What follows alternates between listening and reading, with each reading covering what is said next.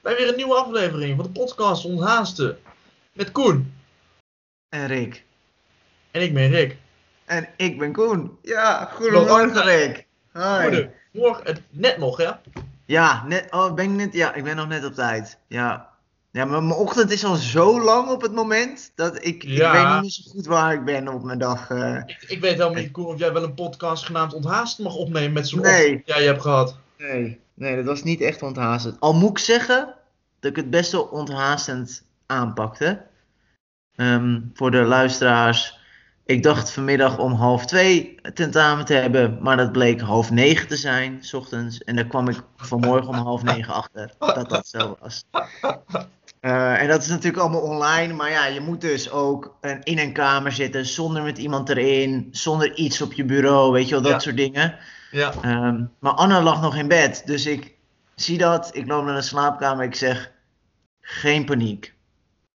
Maar we hebben een probleem. Want ja, zij moet natuurlijk gewoon ontbijten en er klaarmaken voor werk en zo. En dat is niet mogelijk in dezelfde kamer als waar ik mijn tentamen maak. En normaal nee. zit ik bij de keuken en zo, zeg, op de keukentafel. Ja. Dus, um, zit op de keukentafel. Ja. Op de...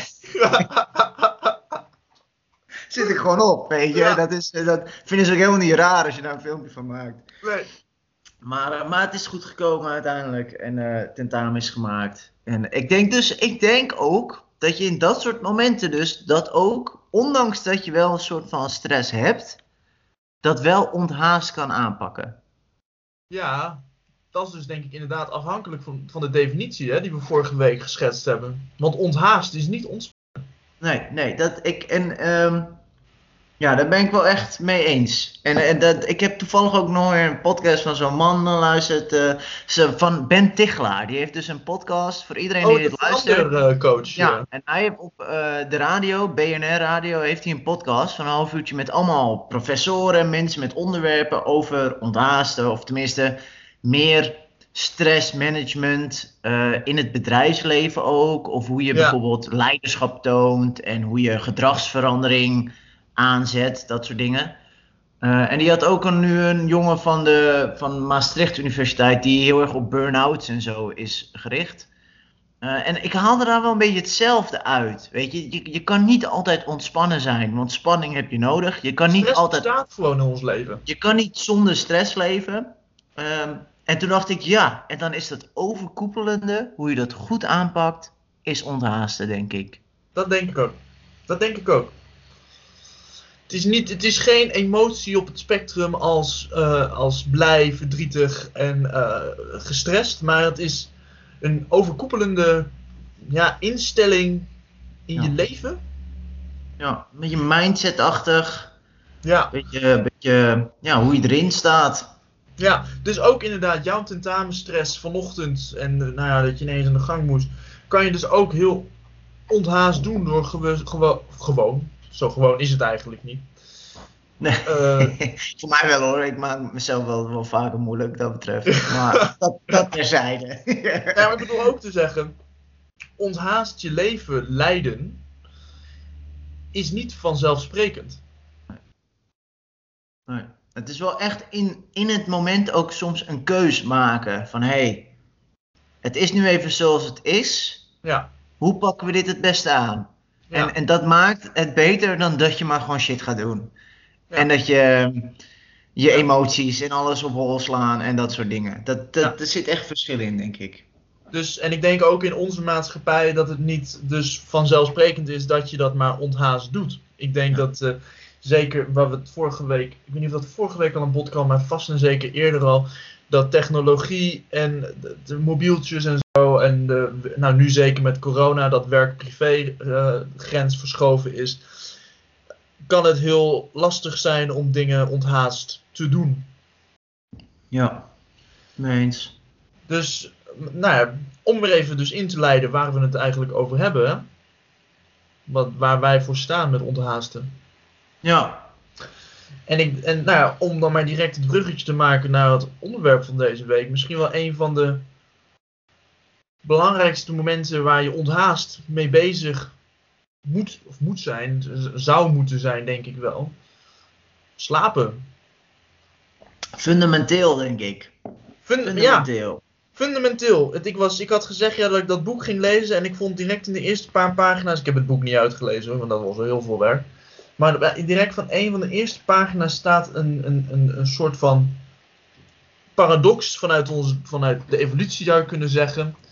Want hoe belangrijk moet slapen wel niet zijn voor ons als wij, ons lichaam, ervoor kiest om 8 uur, dus een derde van ons, van ons, eh, van ons natuurlijke ritme, eh, in een staat te zijn waar wij niet bewust kunnen nadenken. Geen eten kunnen verzamelen, niet voort kunnen planten. In een Ja. soort van verlamde staat liggen voor 8 uur. Ja. Levensgevaarlijk. Levensgevaarlijk. En toch doen we het Ja. elke dag. Elke dag. Vind ik een mooi punt. Eh, voor de luisteraars, welk boek heb je het over? Voor mensen die misschien toch ook Oh. wat willen lezen of zo? Of, Ja, eh, Eh, Why We Sleep. Het is een boek dat net uitgebracht is in 2020 of 2019. Dus het is ook heel up-to-date. Het is van een man die een PhD heeft gedaan over slaap. Ik zou ja, even dan ben ik wel benieuwd wie het is. Ja, ik, ik zoek het nu op. Matthew Walker. Ha! Dat is leuk. Ik heb een podcast met hem geluisterd. Dus Ah, ik denk dat we... ik denk dat we dezelfde bron hebben. Ja. nou, Oh, heerlijk. Ja, nee, heel Ja. goed. Heel goed. Nee, ik heb inderdaad, ben ook een beetje in zijn stof gedoken. Eh, eh, en dan niet in het boek, maar een beetje in de podcast en wat internetten en dat soort dingen. En, en hij is inderdaad het hoofd van, eh, wat was het nou? De, Oh, het staat hier, hij is de director of UC Berkeley's, dus een van de werelds beste universiteiten, Sleep and Neuroimaging Lab. yes. En hij is hoofd van het Center Human Sleep Science. eh, waar hij dus ook inderdaad, hij heeft ook een, een soort van institutie die, die, die, die allemaal onderzoek doen naar slaap. Ja, Super cool.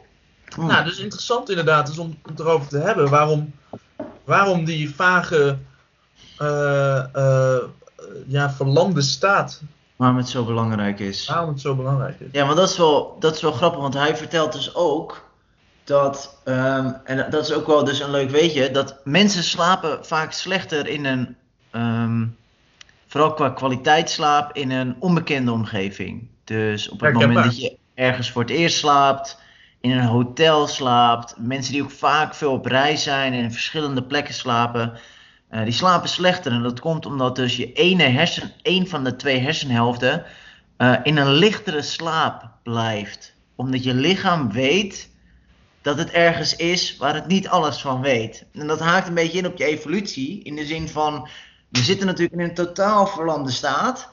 Ja, Wat heel lang heel gevaarlijk is al, geweest, altijd. ja, Eh, en pas echt op het moment dat je ergens bekend bent en, en weet dat je veilig bent, dan kan je echt goed diep slapen. ja. Ja, dat klopt wel. Dat is wel heel cool. Dat herken ik wel heel erg bij mezelf ook, inderdaad.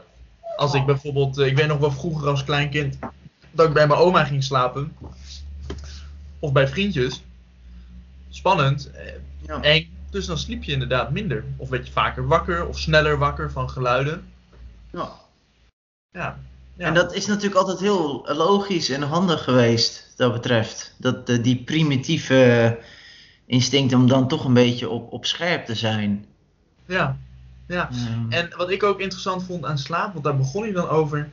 Want hoe, hoe ehm, gaat dat nou eigenlijk, dat je in slaap valt? Want iedereen kent wel melatonine. Maar melatonine zegt dus niks over je kwaliteit slaap, hè?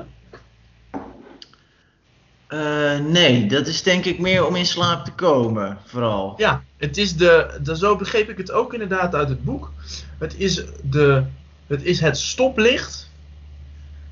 En naarmate je dus meer melatonine opbouwt, afhankelijk van het ritme dat je hebt en van de hoeveelheid licht Ja. om je heen, zonlicht, eh, eh, bouwt dat op. En dan gaat het, ja, het is dus niet een stoplicht met drie lichten zou je kunnen zeggen, maar meer een schaal. Ben je steeds makkelijker val je dan in Ja. slaap. Ja, en vooral inderdaad licht. We weet je, nog eh, op je iPad of op je laptop zitten. Dat zorgt echt voor een vertraging Ja, en een lagere piek ja, eh, van het melatonine. Ja. ja, want dan is het ook dat blauwe licht. Dat is dus echt. Eh, verstoort zo erg je, eh, eh, je, je, je melatonine. Je ritme. spiegel. Ja, gewoon je Ja, ritme inderdaad. Ja. en je piek inderdaad. Ja, interessant hè, eigenlijk.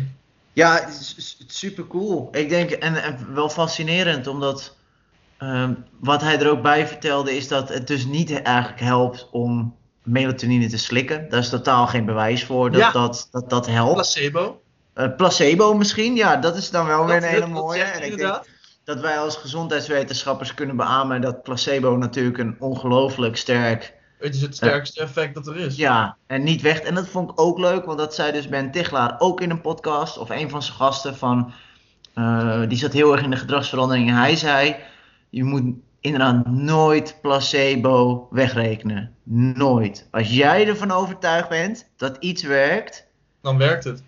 Ook al werkt het niet, dan werkt het altijd nog meer dan als jij er niet van overtuigd bent dat het werkt. Ja. Het is het, dat stukje ergens van overtuigd zijn. Ja, Ehm, en dat is ook een beetje mindset, want mindset is ook een beetje de overtuigingen die je hebt over Ja. jezelf en het leven en wat je doet. En ik zie dat in voeding ook heel erg terug. Weet je, mensen die volledig veganistisch zijn of hele extreme dingen doen en er helemaal van overtuigd zijn, weet je, religieus-achtig, ja. dat dat werkt voor hun en dus voor anderen. Ehm, dat het dus ook wel zal werken voor ze. Want als je er Ja. zo van overtuigd bent dat jij je goed voelt door iets, dan voel je je goed door iets. Ja, dat is gewoon net als, alsof je drugs neemt. ja. Eh, daarom vergelijken ze drugs ook met een placebo in onderzoek. ja. Want, want als jij jezelf goed kunt denken, waarom zou je dan nog drugs nemen als een placebo het ook doet? Weet je? Ja. Dat, ja. Dat is een beetje. Dus dat is fascinerend. Echt En fascinerend. bij slapen helemaal, want als jij denkt, oh ik heb zo'n melatonine-pilletje genomen, dus nu ga ik sneller in slaap vallen en ben ik rustiger en dit en Ja. dat. Dan denk je jezelf eigenlijk dus in slaap en rustig, weet je vooral dat die rust die je dan die ja, die overgave, ja. Niet ik altijd, ik heb, want daar ben ik wel benieuwd naar. Ehm, hoe slaap jij, Koen? Hoe goed is jouw slaap? Nou ja, kijk, tenminste, ehm, ja, ik kijk dus wel naar een scherm voor het slapen, naar een tv. Heb je een blauw lichtfilter? Niet op de tv, denk ik. Nee, niet op de tv. Volgens mij wel op mijn mobiel. Ik weet niet in hoeverre dat, eh, dat, dat echt is. Ja, dat helpt volgens mij wel. Dat durf ik Ja. niet eh, met zekerheid te zeggen, maar volgens mij wel. Ja. Weet je, dus maar dat, voor de dat, rest, eh, wat, eh, wat, voor de, wat doe jij voor de rest? Wat zijn dingen voor de rest die jij doet, die jouw slaap ten goede of ten slechte komen, denk je? Ehm, nou ja, kijk, eigenlijk doe ik denk meer dingen die me, mijn slaap ten slechte komen dan ten goede. Ehm, maar wat ik wel doe, in ieder geval één ding wat, wat ik goed doe, is een lekkere warme douche voor het slapen als ik ga douchen. Oh, ja. En, en dat schijnt eh, echt wel een hele goede te zijn. Ehm, omdat je, je, je lichaam moet ook 2 graden omlaag Koelen. voordat je gaat koelen, voordat je gaat slapen. En dat is makkelijker na een warme douche. Dan Omdat dan je je... open. Juist. Dus eh, een goede warme douche van tevoren is erg belangrijk. Kan heel goed helpen bij eh, in slaap vallen. Ja. Wel, want dat vond ik ook vast. In 2 graden moet je lichaam omlaag. Dat is toch bijzonder? Dat je Ja, maar dus ik, ook- slaap, ik wou zeggen, ik slaap altijd beter in een koude kamer. Ja. Ja, hekel- als ik bij, om even weer mijn oma erbij te halen, als ik bij mijn oma slaap. Nou, oude mensen die kunnen dus moeilijker zelf hun lichaamstemperatuur omhoog houden. Nou, ik slaap daar, als daar, daar is het dan 21, 22, nou soms wel 23 graden. Niet te doen. Slaap ik niet lekker hoor. Nee. Soms Ja, en, wakker als een natte vaatdoek. ja, en dat is dus heel logisch. Ja, dat is Ja. dus heel. eh, Ja, en ja, en verder. ehm, Waarschijnlijk doe je er meer dan je denkt. Dus je doucht voor het slapen gaan. Een warme douche kan helpen. Dan kan je makkelijk afkoelen omdat je poriën openstaan. ja. Wat je dan niet misschien goed doet, is tv kijken met dat heeft een blauw scherm. Ja. Heb je een beetje een ritme? Ja, ja, dat denk ik wel. Ja. Want ik las in dat boek En eh, Bill Gates heeft dat boek ook gelezen. En Bill Gates heeft zo'n boekenclubje. En dan schrijft hij wel reviews over die boeken. Dus daar had ik ook even naar gekeken. En Bill Gates zei dat het het meest belangrijke advies uit het boek zou zijn. Ja. Kijk, dat zegt natuurlijk, omdat het Bill Gates is, denk ik, denk ik dan dat het meer waarde heeft dan. eh Dan wij, Roos misschien. bijvoorbeeld. Ja, precies. Ja, misschien heeft Bill Gates het ook wel helemaal verkeerd. Kan je, ik kan je geheim vertellen. Ik heb dus een eh, docent aan de vuur en die heeft met Bill Gates gewerkt. En die zei, die moest een keertje, die werd gebeld omdat hij door Bill Gates, omdat hij dus gefinancierd werd door Bill Gates. ja. En eh, die dus, ja, ik zal, niet, ik zal zijn naam niet noemen voor... eh, Nee, doe dat maar niet. nee, en hij zei, nou, Bill Gates, hartstikke leuke vent, maar wel heel oppervlakkig. Oppervlakkig, ja. Ja, maar misschien Ja. heeft, ik snap het ook wel weer ergens. Want misschien heb je als je Bill Gates bent, ben je zo'n druk man. Iedereen wil wat van je. Maar is zo'n man ook niet zo slim dat je een beetje autistisch bent sowieso? Ook. Ja, en misschien heb je ook sociaal helemaal heel geen sterk. tijd om, eh, om heel veel onderzoek te doen in de projecten die hij allemaal financiert. Dat snap ik ook. Of dat inderdaad zoveel mensen shit van je willen dat je ook op een gegeven moment dat sociale niet kan doen Ja. met iedereen en zo. Kan niet met iedereen verbonden. Nou, dus, maar in ieder geval, zijn review stond in. Wat het meest belangrijke advies was uit dat boek en van die Matthew Walker dus. Is haal 8 uur per dag. 8 uur is wel Ja. heel belangrijk. 7 uur kan ook nog wel, maar 8 uur is toch wel echt wat we nodig hebben, lijkt. Lijkt, hè, want we handelen volgens het beste wetenschappelijk bewijs. En een ritme. Een Ja. ritme. Dat je lichaam weet wanneer het gaat slapen, dat het af kan stemmen en dat het dus elke nacht hetzelfde kan verwachten. Ja. Ja, geen onregelmatige. Nee, Ja. want mensen ook eh, die nachtdiensten draaien of die dus de hele tijd van tijdzone naar tijdzone vliegen, piloten bijvoorbeeld of eh, vliegtuigpersoneel. Dat is echt, eh, dat schijnt zo slecht te zijn voor je lichaam, want die, van je, voor je brein, want die heeft geen idee wanneer het moet gaan slapen. Die weet Dat is natuurlijk ook dat circadian rhythm, dat, dat je biologische klok die natuurlijk helemaal Ja. van het padje gaat daardoor. Want je, voor de mensen die het niet weten wat je circadian rhythm is, of even wat, even, nou, wat opheldering, verfrissing daarvan nodig hebben. Je circadian rhythm, dat is dus blijkbaar, er waren twee onderzoekers die hebben zichzelf ooit een maand lang in een grot opgesloten. Zonder zonlicht, want er was altijd de verwachting dat je, je dag- en nachtritme wordt bepaald alleen door de zon. En het blijkt dat je dag- en, dag- en nachtritme wordt wel deels bepaald door de zon. Is wel een belangrijke prikkel. Het is wel een belangrijke prikkel. Maar die mensen die zich een maand lang hebben opgesloten in een god zonder zon- zonlicht, bleken voor ongeveer een ritme, om precies te zijn 24 uur en 15 minuten, hetzelfde ritme aan te houden. Dus iets in ons, een, een, een bepaald hersengebied waar hij het over had, heeft dus die biologische klok van 24 uur in zich. En daarmee stemmen ook, eh, worden alle hormonen in jouw lichaam ook afgestemd. Maar ik weet vanuit de voedingswetenschap wel dat ze ondertussen zover zijn dat inderdaad in je, hersen, in je hersenen je een soort van masterklok hebt, maar dat eigenlijk zo'n beetje elke cel in je lichaam een, een eigen klokje heeft. En dat Oh. Ehm, bijvoorbeeld organen en zo ook weer soort van op een eigen ritme lopen, die wel worden aangestuurd door de masterklok. ja. Ehm, maar inderdaad, bijvoorbeeld je metabolisme met voeding, want voeding is dus ook een hele belangrijke prikkel voor je circadian rhythm, samen met licht. ja. Ehm, en daarom zeggen we dus in de voeding nu tegenwoordig dat het eigenlijk het beste is om in, in een periode van 10 uur te eten. En dan begin je dus rond 10 uur 's ochtends tot eh 8 uur 's avonds bijvoorbeeld, moest ik even denken. Eh, en als je dat inderdaad ook daar je regelmaat in houdt, dat ook daardoor je klokken echt het best gelijk blijven lopen, zeg maar. En voor het slapen gaan, wel of niet eten? Ehm, nou ja, kijk, na mijn verhaal van net, het liefst dus eigenlijk binnen die 10 uur. En ik denk dus sowieso niet te dicht op slaap. Gewoon omdat je helemaal vol zit. Volgens mij is dat beter van niet. Ja, daar hoor je ook wel eens wat over. Hè? Dat ze zeggen geen maaltijd voor het slapen gaan, want dan, is je, dan heb je veel energie en dan is je lichaam te druk bezig om in slaap te vallen. Ik weet niet of dat klopt. Nou, het is wel zo als je op het moment dat je natuurlijk eten in je darm en je maag en dat soort dingen hebt, dan moet daar bloed naartoe. Dus je lichaam, het kost wel echt energie om eten te verwerken. Maar als je dus dat ritme van die biologische klok aanhoudt, dan is het ook echt het best om ergens in de ochtend te beginnen met eten. En dan moet je dus sowieso een paar uur voor het slapen al stoppen met eten. Want Ja. anders dan kom je niet. Dus eh, dat voorkomt al dat je te dicht op het slapen eet. Ja. Ja. Kijk, Dus regelmaat. Waar, Wat je zei, regelmaat. Erg belangrijk. regelmaat. Ja. Maar dat is dus ook inderdaad belangrijk voor dat melatonine en eh, noem maar op. Even kijken, heb je nog meer dingen waarvan je zegt? Dus je hebt wel een ritme. Ja, nee, ik, nou, want ik had dus een paar van die dingen opgeschreven. En eigenlijk regelmaat, licht en temperatuur waren... ehm, Slaap jij in een koele kamer? Ja, nou ja, we hebben in ieder geval altijd het raam open op de kamer. Ja. Of tenminste iets van eh, frisse lucht. eh, en nooit eigenlijk de verwarming daaraan, zeg maar. Dus de, de, kle- of de kleedkamer. De slaapkamer wordt nooit opgewarmd. Nee. Nee. Nee, dat is wel belangrijk, denk ik inderdaad. Ja. Drink je 's ochtends koffie? 's middags, 's avonds? Eh, 's ochtends.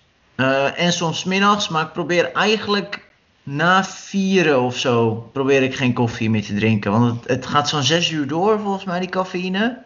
Ja, ik las, wat was het nou? Cafeïne heeft de halfwaardetijd van 5 uur? Ja, zoiets hoor. Van, nou ja, ja ik, ik had in ieder geval iets gelezen dat je eigenlijk in ieder geval voor het slapen, vijf of zes uur voor het slapen, sowieso geen koffie meer moet drinken. tijd, hè? Halfwaardetijd van cafeïne, ik zoek het even op. Ja, ongeveer 5 uur. Dus, stel dat je een kop koffie drinkt van, en er zit 240 milligram cafeïne in, dat is wel gewoon een dosis, laten we zeggen, daar, daar word je wel wakker van. Ja, maar een kopje koffie zit 80 in of zo, toch? Ja, hier staat grote filterkop. Ja, ik, ik durf niet te zeggen. Het is, eh, dit is even, dit is, eh, dit is research on the go. Ja, research on the go. Nou, ja, in ieder geval, dus je hebt dus koffie. Maar als jij dus na vijf, stel dat je dit dus drinkt om eh, Vijf Drie uur uur. Of vijf uur 's middags, noem, noem een tijd. Kijk, na vijf uur, stel dat dan om drie uur, dan is het acht uur. Dan eh, heb je natuurlijk nog de helft erin zitten. Dat is nog best wel veel. Want als je dan gaat slapen drie uur later, heb je dus nog de helft van die, nou Ja. 80 wordt dan 40. Dus dan heb je nog, laten we zeggen, 30, 25 milligram cafeïne in je bloed zitten. Ja. Vaak wordt er eh, onderschat wordt gezegd wat het effect is van cafeïne. Ik zeg niet dat cafeïne niet, eh, niet, dat je het niet moet drinken.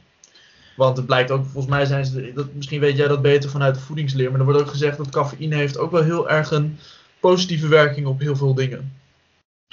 Ja, het, het schijnt eh, vetmobilisatie en zo op te wekken. Dus dat betreft dat je wat meer vet verbrandt. En ehm, ze hebben wat positieve associaties met diabetes en zo gevonden.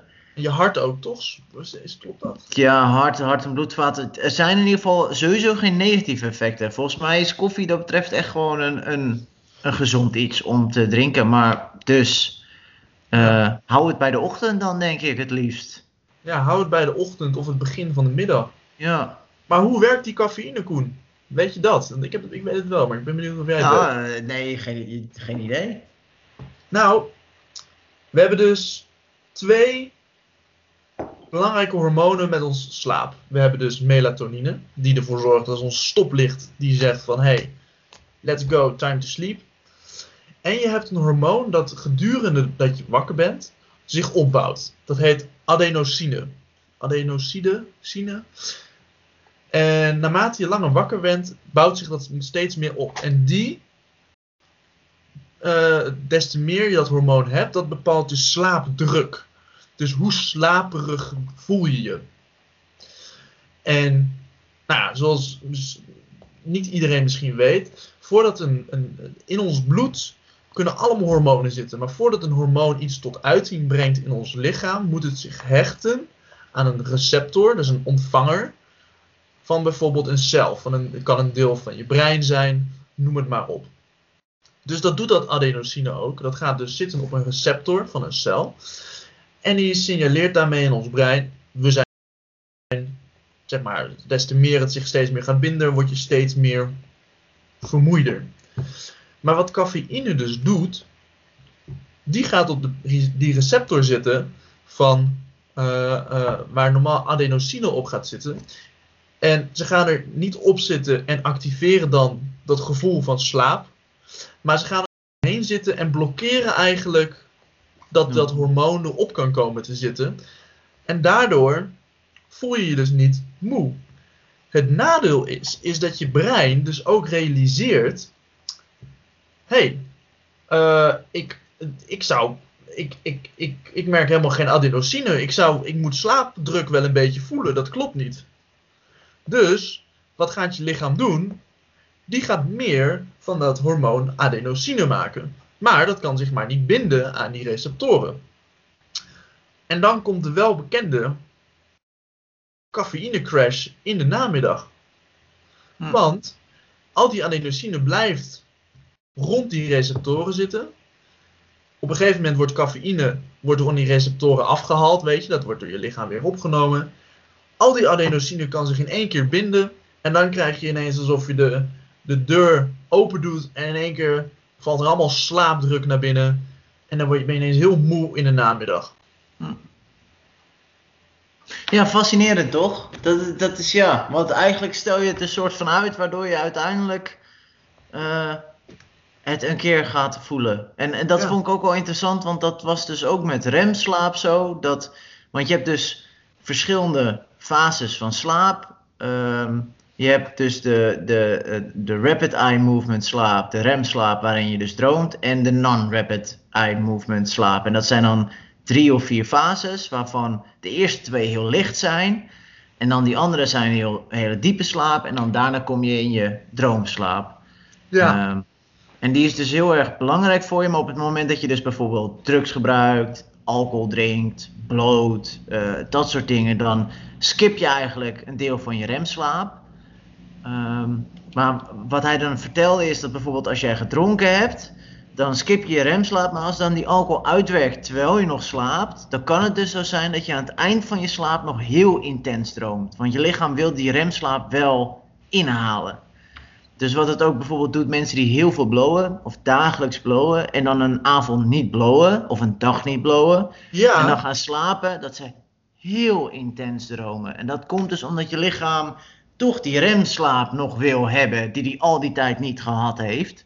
En het is schijnbaar zelfs zo dat als jij heel lang niet slaapt, dat mensen dus gaan hallucineren en dat soort dingen. En dat is dus eigenlijk gewoon de remslaap die alsnog gewoon je hersens in komt zetten, omdat je eigenlijk dat wel nodig hebt. Dus ondanks dat je dan niet slaapt, eh, als jij een paar dagen niet slaapt, gaan mensen helemaal raar doen. En dat Ja. komt dus eigenlijk omdat je remslaap, eh, je frontale cortex, je, je, je eigenlijk ons jongste stuk brein, een beetje uitschakelt. Ja, het Ja. voorste deel, waardoor de rest een beetje vrij spel krijgt. En dat maakt dus dat we dromen en dat je heel raar droomt ook altijd.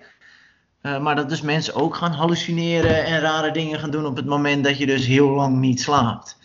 En dat vind ik zo fascinerend. Dat Ja. het alsnog dus, hoe belangrijk dus dat slapen is. Want en wat je ook- weet ja. jij dat? Want zover ben ik niet gekomen in het boek. Want wat is het nut van remslaap? Ik heb er wel eens wat over gelezen, maar ik weet niet of dat klopt. Nou ja, kijk, wat hij zei is dat eh, de diepe slaap en de remslaap zijn de momenten dat jouw lichaam herstelt. eh, en eigenlijk vooral herstelt, volgens mij. Want wat, hoe hij het noemde, is dat als jij wakker bent, je eigenlijk in een constante staat van hersenschade eh, zit. Dus je loopt constant hersenschade op als je wakker bent. Ja, En, en diepe slaap en de remslaap is het enige moment dat jouw lichaam, dat jouw hersenen kan, echt kan herstellen. Ah. Ehm, en als jij dat dus niet doet, dan word je dus gewoon. En, en dat is eigenlijk inderdaad al vanaf zes uur of minder. Wat ik dus ook aangaf, weet je wel, die chirurg die maar zes uurtjes geslapen heeft of minder. ja, Zes uur is gewoon niet genoeg. Ook mensen die zeggen, ik heb genoeg aan zes uur. Nee, Nee, je hebt is- niet genoeg aan zes uur. dat je dat, want er- er zijn dus mensen inderdaad die hebben een afwijking dat hun brein daar tegen kan, maar de kans dat je die afwijking hebt is zo klein. Ja, dat gaat echt over 0,0 eh weet ik hoeveel eh, percentages volgens mij. ja, dat dus is echt heel klein. dus Dat, eh, dat, die kans is heel klein inderdaad. Je Ja, beseft het alleen niet dat je te weinig slaap krijgt. Nee. Op het moment dat je te weinig slaap hebt, besef je niet dat je te weinig slaap hebt. Nee, Het is pas wanneer je weer genoeg gaat slapen en goede kwaliteit slaap krijgt, dat je gaat beseffen, oh, ik voelde me eigenlijk gewoon super kut al die tijd. Ja, Ik, story ik, of my fun- life. ja, ja, ik functioneerde eigenlijk niet zo goed als dat ik had kunnen functioneren. Want dat Ja. is dus een beetje het idee. Ja. En eh, het is dus ook zo dat bijvoorbeeld 1 op de 5 auto-ongelukken eh, komt Ja. door vermoeidheid. ja, En dat vind ik bizar. Dus eigenlijk is het, is gevaar, het is eigenlijk net zo gevaarlijk om te weinig te slapen. En dan hebben we het dus over 6 uur of minder. Als alcohol drinken achter het stuur. Ja, want dat werd ook gezegd. Ik, eh, als je. Oeh, na x aantal uur, ik weet niet meer hoeveel dat was. Als je 24 uur wakker bent, was dat vergelijkbaar met het, met het hebben gedronken van 2, 3 biertjes of zo. Qua hoe je hersenen nog functioneren. Ja. En, en dat heb je niet door, dat je minder goed functioneert. Maar het is wel zo dat gewoon 1 op de 5 mensen eh, ongelukken gewoon komt door vermoeidheid. Of dat dus Ja. een chirurg gewoon eh, zijn kans bijna verdubbelt op een fout. Doordat hij te weinig geslapen Ja. heeft. Nou, ik heb wel eens geprobeerd, een beetje een hele dag gestudeerd of je moet een deadline halen. En je gaat nog dus laat eh, eh, een verslag typen. Ja, des te langer je daarmee bezig bent en het wordt 10 uur, 11 uur. Heb je wel eens gelezen wat je dan opschrijft soms? Ja. Nou, ik ieder Wat, wat voor zinsopbouwen en zo je maakt. opbouw en gewoon, dan weet je, dan weet je, nou, minimaal eh, 3000 woorden of zo verslagen. Nou, je bent op een gegeven moment je gewoon echt allemaal poep aan het praten, want er klopt helemaal niks meer van. Ja, en dat komt omdat je gewoon heel raar wordt. Je wordt gewoon van, weet je, dat slaap. En dat is zo fascinerend. Dat we dus inderdaad echt dat moment elke dag nodig hebben. Dat we ons lichaam gewoon soort van uitzetten, maar ook wel aanhouden. Want in principe is je hoofd Ja. natuurlijk best actief bezig nog steeds. Alleen, onderhoud. Alleen hele andere dingen inderdaad. Hele belangrijke dingen. En dat, dat, Ja. Vond, ik- ja, dat vond ik zo fascinerend. Want hoeveel mensen er wel niet gewoon vijf of zes uurtjes slapen. En dan, ja, en dan gewoon denken, ah, dat kan ik, weet je. Dat, dat is geen probleem voor mij. Ehm, ik heb ook altijd, wat ik heb begrepen is ook dat in je remslaap is het moment dat je, eh, dat je herinneringen, gedachten en ervaringen met een mooi woord geconsolideerd worden. Hm. Geconsolideerd. Ja. Weet je. Een soort van verpakt of zo. Of, eh, ja, dat of een soort beetje- van. Met andere woorden, het krijgt een plekje. In je. Want je brein is natuurlijk een enorme verzameling van verbindingen. Ja. Met herinneringen, patronen, gedachten. Nou, ja, noem het maar allemaal op. En nieuwe gedachten en nieuwe dingen die je meemaakt op de, op de dag, ervaringen, die, die, die, die komen binnen, weet je wel. Die, nou, die zitten dan, ik weet niet hoe het precies werkt hoor, maar die zitten dan misschien in je prefrontale cortex. Nogmaals, ik ben geen eh, neuro, eh, weet je, voor hetzelfde geld klopt het niet, maar eh, om het duidelijk te maken hoe het volgens mij werkt, dan komt dat binnen. En het heeft nog geen plekje, want ja, je, je, hetzelfde als bijvoorbeeld jij een pakketje hebt besteld bij bol.com, of we noemen het, een, noemen het maar op, dan staat het eerst bij de voordeur. En dan ga je dat op een gegeven moment, als je even tijd hebt, bijvoorbeeld ga je het uitpakken en ga je het een plekje geven in je huis. Bijvoorbeeld die bloempot die je net gekocht hebt. Maar of niet ook, toch? Want we, Of slaan niet alles op. Het is niet dat we alles... Nee, nee, nee, nee, nee. Alleen wat, wat maar ja, hoe dat dan werkt, heb ik ook geen idee. Want wa- hoe bepaalt je brein wat belangrijk is en wat niet? Maar dat consolideren is dus het eigenlijk het een plekje geven en in verbinding, zeg maar, een, een opnemen in het grotere framework, systeem van jouw, van jouw brein en verbindingen. Ja. Dus bijvoorbeeld die bloempot die je besteld hebt, die zet je neer bij, eh, in je kast bij, de, bij nog twee bloemetjes en de rest. En dan heeft het een plekje gekregen en dan is het op dat moment, hoort dat bloempotje, hoort in de kast bij de andere Ja. bloempotjes en daar is het mee verbonden. Je doet er de grond in en de, de plantjes en op die manier heeft het dus een plek gekregen in het systeem wat jouw brein is. En zo gebeurt dat dan ook in je remslaap, heb ik, zoals of in je slaap in het algemeen. Eh, krijgt het dus een plekje en wordt het dus geconsolideerd. Hm. Ja, kun je zien. Ja. En daarom volgens mij, het is ook heel lastig om soms dingen die dus geconsolideerd zijn, herinneringen, gewoontes, om die ergens te verplaatsen in je brein. Want als jouw bloempotje al tien jaar lang staat op die plek in de kast, en je wil hem eigenlijk tappen. Ja, eh, ja.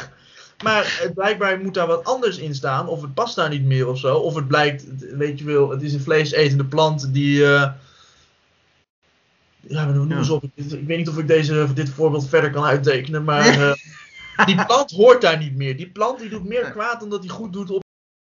Die plant die krijgt zulke bladeren dat de zon van, het, eh, van, de, van buiten niet meer door het raam komt. Dus je denkt, kut, die plant moet weg. Maar ja, hij heeft er, hij heeft er al tien jaar gestaan. Dus hij, hij heeft, daar, dat is zijn plekje. Ja, Nou ja, dan kan het dus heel moeilijk zijn om die plant toch te verplaatsen. Of omdat je misschien moet besluiten om die plant het huis uit te flikkeren. En te zeggen, ik heb hem helemaal niet meer nodig, want hij doet meer goed dan kwaad. Of kwaad dan, meer kwaad dan goed.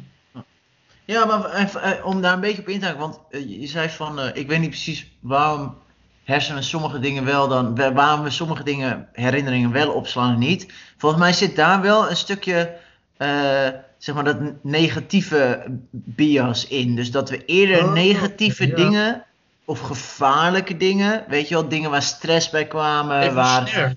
Evolutionair gezien dat we dat eerder opslaan dan positieve dingen. Omdat het belangrijker is om te weten waar die leeuw zat, zeg maar, dan, ehm, dan iets positiefs. Al hebben ze dus nu ook laten zien dat wij, als dat is best wel recent ook, eh, beter opslaan waar we hoge energieën eh, etenswaar vinden. Dus bijvoorbeeld een fastfood restaurant, Ja. dat soort dingen, dat slaan we beter op in ons hoofd eh, dan de groenteafdeling in de supermarkt. Zoiets. Omdat we dus eh, echt geprogrammeerd, nou, ja, geprogrammeerd zijn om op te slaan wat evolutionair gezien natuurlijk handig is. En dat zijn negatieve dingen, zo van waar is gevaar, waar, weet je wel, waar had ik stress, hoe kwam dat? Eh, weet je, die sociale contacten, de ruzies die je hebt gehad, weet je wel, dingen die je liever niet wil opslaan, maar dan toch opslaat, trauma's, weet je wel, dat soort dingen.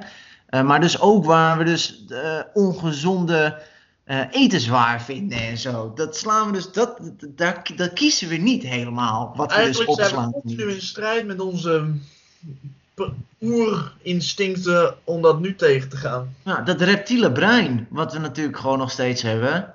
Ja. En wat dat betreft ook niet per se ons altijd nu goed uitkomt, inderdaad. Niet Ja, echt komt dat meer. door ons of komt dat door de maatschappij? Maar dat is een hele andere... Ja, ja, de maatschappij die we zelf gemaakt hebben natuurlijk. Ja, ja. maar ja, dat, maar dat is misschien weer een onderwerp voor een, voor een hele andere week, dat Ja. betreft. Ja. Maar ik vond het wel echt interessant. Ja. Zijn we dan een beetje aan het eind gekomen van deze discussie? Hebben we nog meer dingen? Ik zit na Nou, ik, ik heb nog een paar feitjes die ik gewoon nog even erop ga gooien in ieder geval voor mensen. Eh, een nacht van 4 uur slaap. 70% minder T-cellen. Wat zijn T-cellen? Eh, bijvoorbeeld mensen die Immuunsysteem. mensen die HIV hebben, AIDS hebben.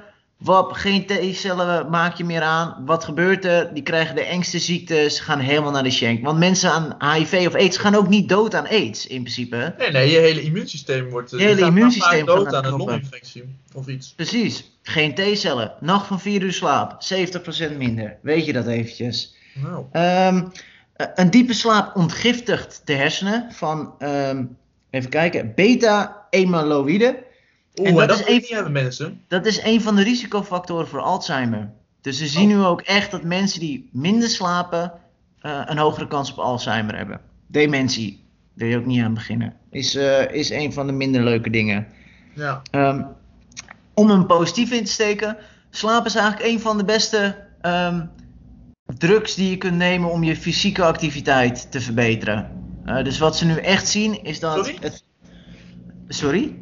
Als ik ga slapen ben ik niet actief bezig hoor. fysiek. Nee, maar de dag erna, de, de dag erna kan je echt gewoon eh 30%, een 30% betere workout hebben eh, dan een Ja, dag na een slechte nacht, zeg maar.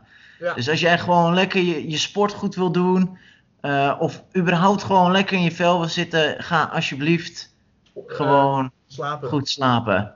Een uurtje of En- Ehm, maar dat heb ik, herinner ik me nu ook. Een middagdutje is volgens. eh, is, dat deden wij vroeger, las ik.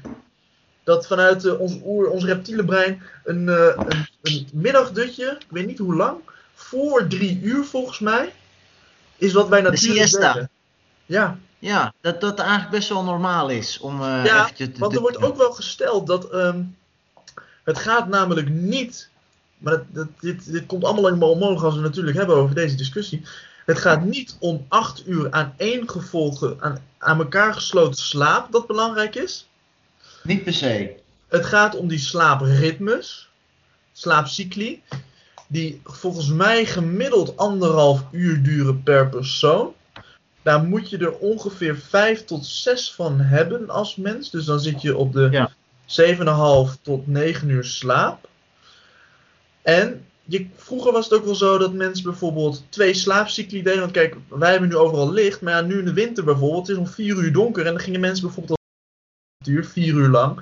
Waren ze even een uurtje of twee wakker, gingen ze weer verder slapen.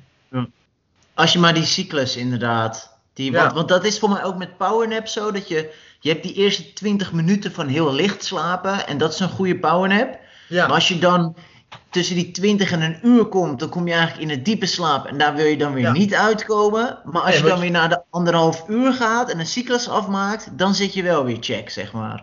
Ja, want je hebt, ja, iedereen heeft wel eens een keer, of ik vermoed dat de meeste mensen wel eens een keer een dutje hebben gedaan. En soms dan word je super fris wakker. En soms word je nog slechter, nog vermoeider en verkrekter wakker dan toen Ja. je ging slapen. En dat is echt waar je in de cyclus zit. Ja. Dus, eh, maar ja, als je het eh, je kan veroorloven om gewoon even 20 minuutjes lang eh, te liggen op een dag. Dat schijnt heel goed overdag, dat schijnt wel goed te zijn. Ja, Rick, interessant. Ja, weet je, Koen, ik denk dat ik zo een tukje ga doen. Ja. ja, ik heb deze week. eh, ik, ik probeer elke keer wel de 7 uur te pakken, maar ik heb een erg drukke week achter de rug. Dus eh, na deze week ga ik echt gewoon weer naar die 8 uur toe. Dan gaan we Misschien gewoon zelf- weer. eh, Het wordt alleen maar lastiger. ja. ja, want je kan dus slaap ook niet inhalen. Nee. is echt de grootste onzin. Je kan een klein percentage zou je kunnen inhalen, maar eigenlijk één nacht te kort slapen, doe je schade mee, die, dat, dat maak je niet meer goed. En ik heb ook vroeger, met, toen ik tentamens wel ging leren, vroeg in de ochtend, je had mensen die dan om zes uur op gingen staan, vijf uur op gingen staan, nog leren, weet je wel, dit en dat. En ik heb er altijd heilig bij gezworen en nu kan ik het dus ook onderbouwen met wetenschappelijk bewijs. Je kan beter gewoon een goede nacht van acht uur hebben voordat je dat tentamen gaat maken. Dan ben je frisser, kan je beter nadenken dan dat je zes uur slaap pakt en nog twee uur leert. Ja.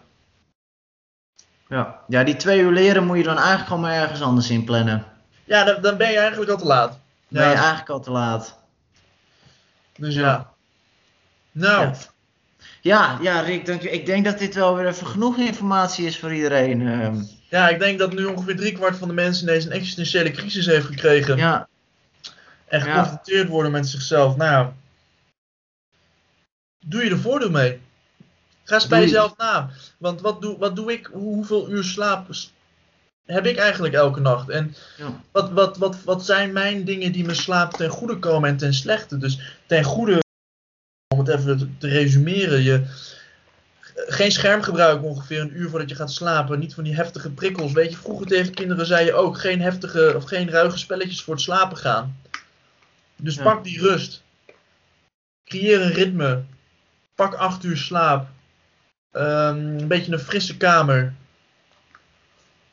ja. Nou, vul me aan, Koen, als je meer Goeie, weet. goeie, ja, goeie warme douche van tevoren. Goeie Eh, warme douche van tevoren. Ga een uurtje een boek lezen in plaats van eh, naar je tv of eh, Netflix te staren. Ja, ik heb er nog wel een paar die we niet benoemd hebben. Ehm, doe niet te veel in je bed naast slapen. Gebruik je bed alleen voor slaap. Om het echt te linken aan dat je daar gaat slapen. En niet dat je daar bijvoorbeeld series Gewoon kijkt. chilled. Ja, precies. Dat is Oh, ook eentje. goeie. Sport overdag. Zorg ervoor dat je fysiek bent geweest. Heb genoeg daglicht overdag gehad. Zodat je interne klok eh, een beetje afgestemd is. eh, Op het ritme. Ja, Ja, want vitamine D is heel belangrijk voor je dag-nachtritme ook.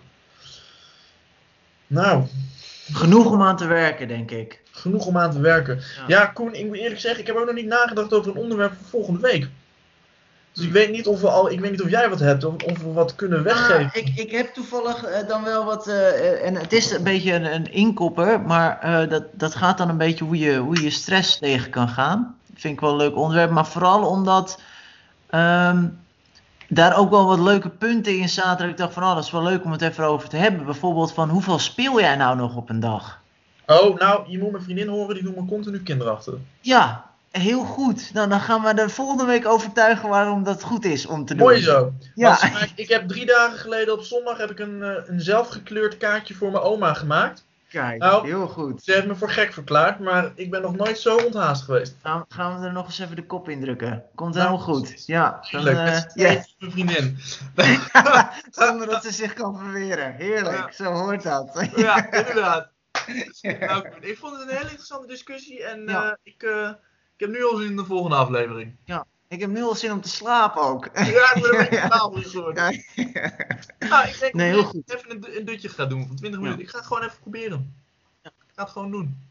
Gewoon doen. En dan eh, ga ik dat ook doen en dan hard aan het werken hier vandaag. Ja. ja. Dan, eh, morgen weer tentamen en dan daarna lekker van het weekend genieten. Dus mensen, eh, als jullie dit horen, eh, geniet ook van je weekend vooral. En, eh, en wens Koen een beetje geluk hè, als je dit hoort. Met Ja. zijn dame. Gebruiken. Oké mensen, doe rustig aan en een prettig weekend. En jij ook Koen. Hoi. Doeg mensen.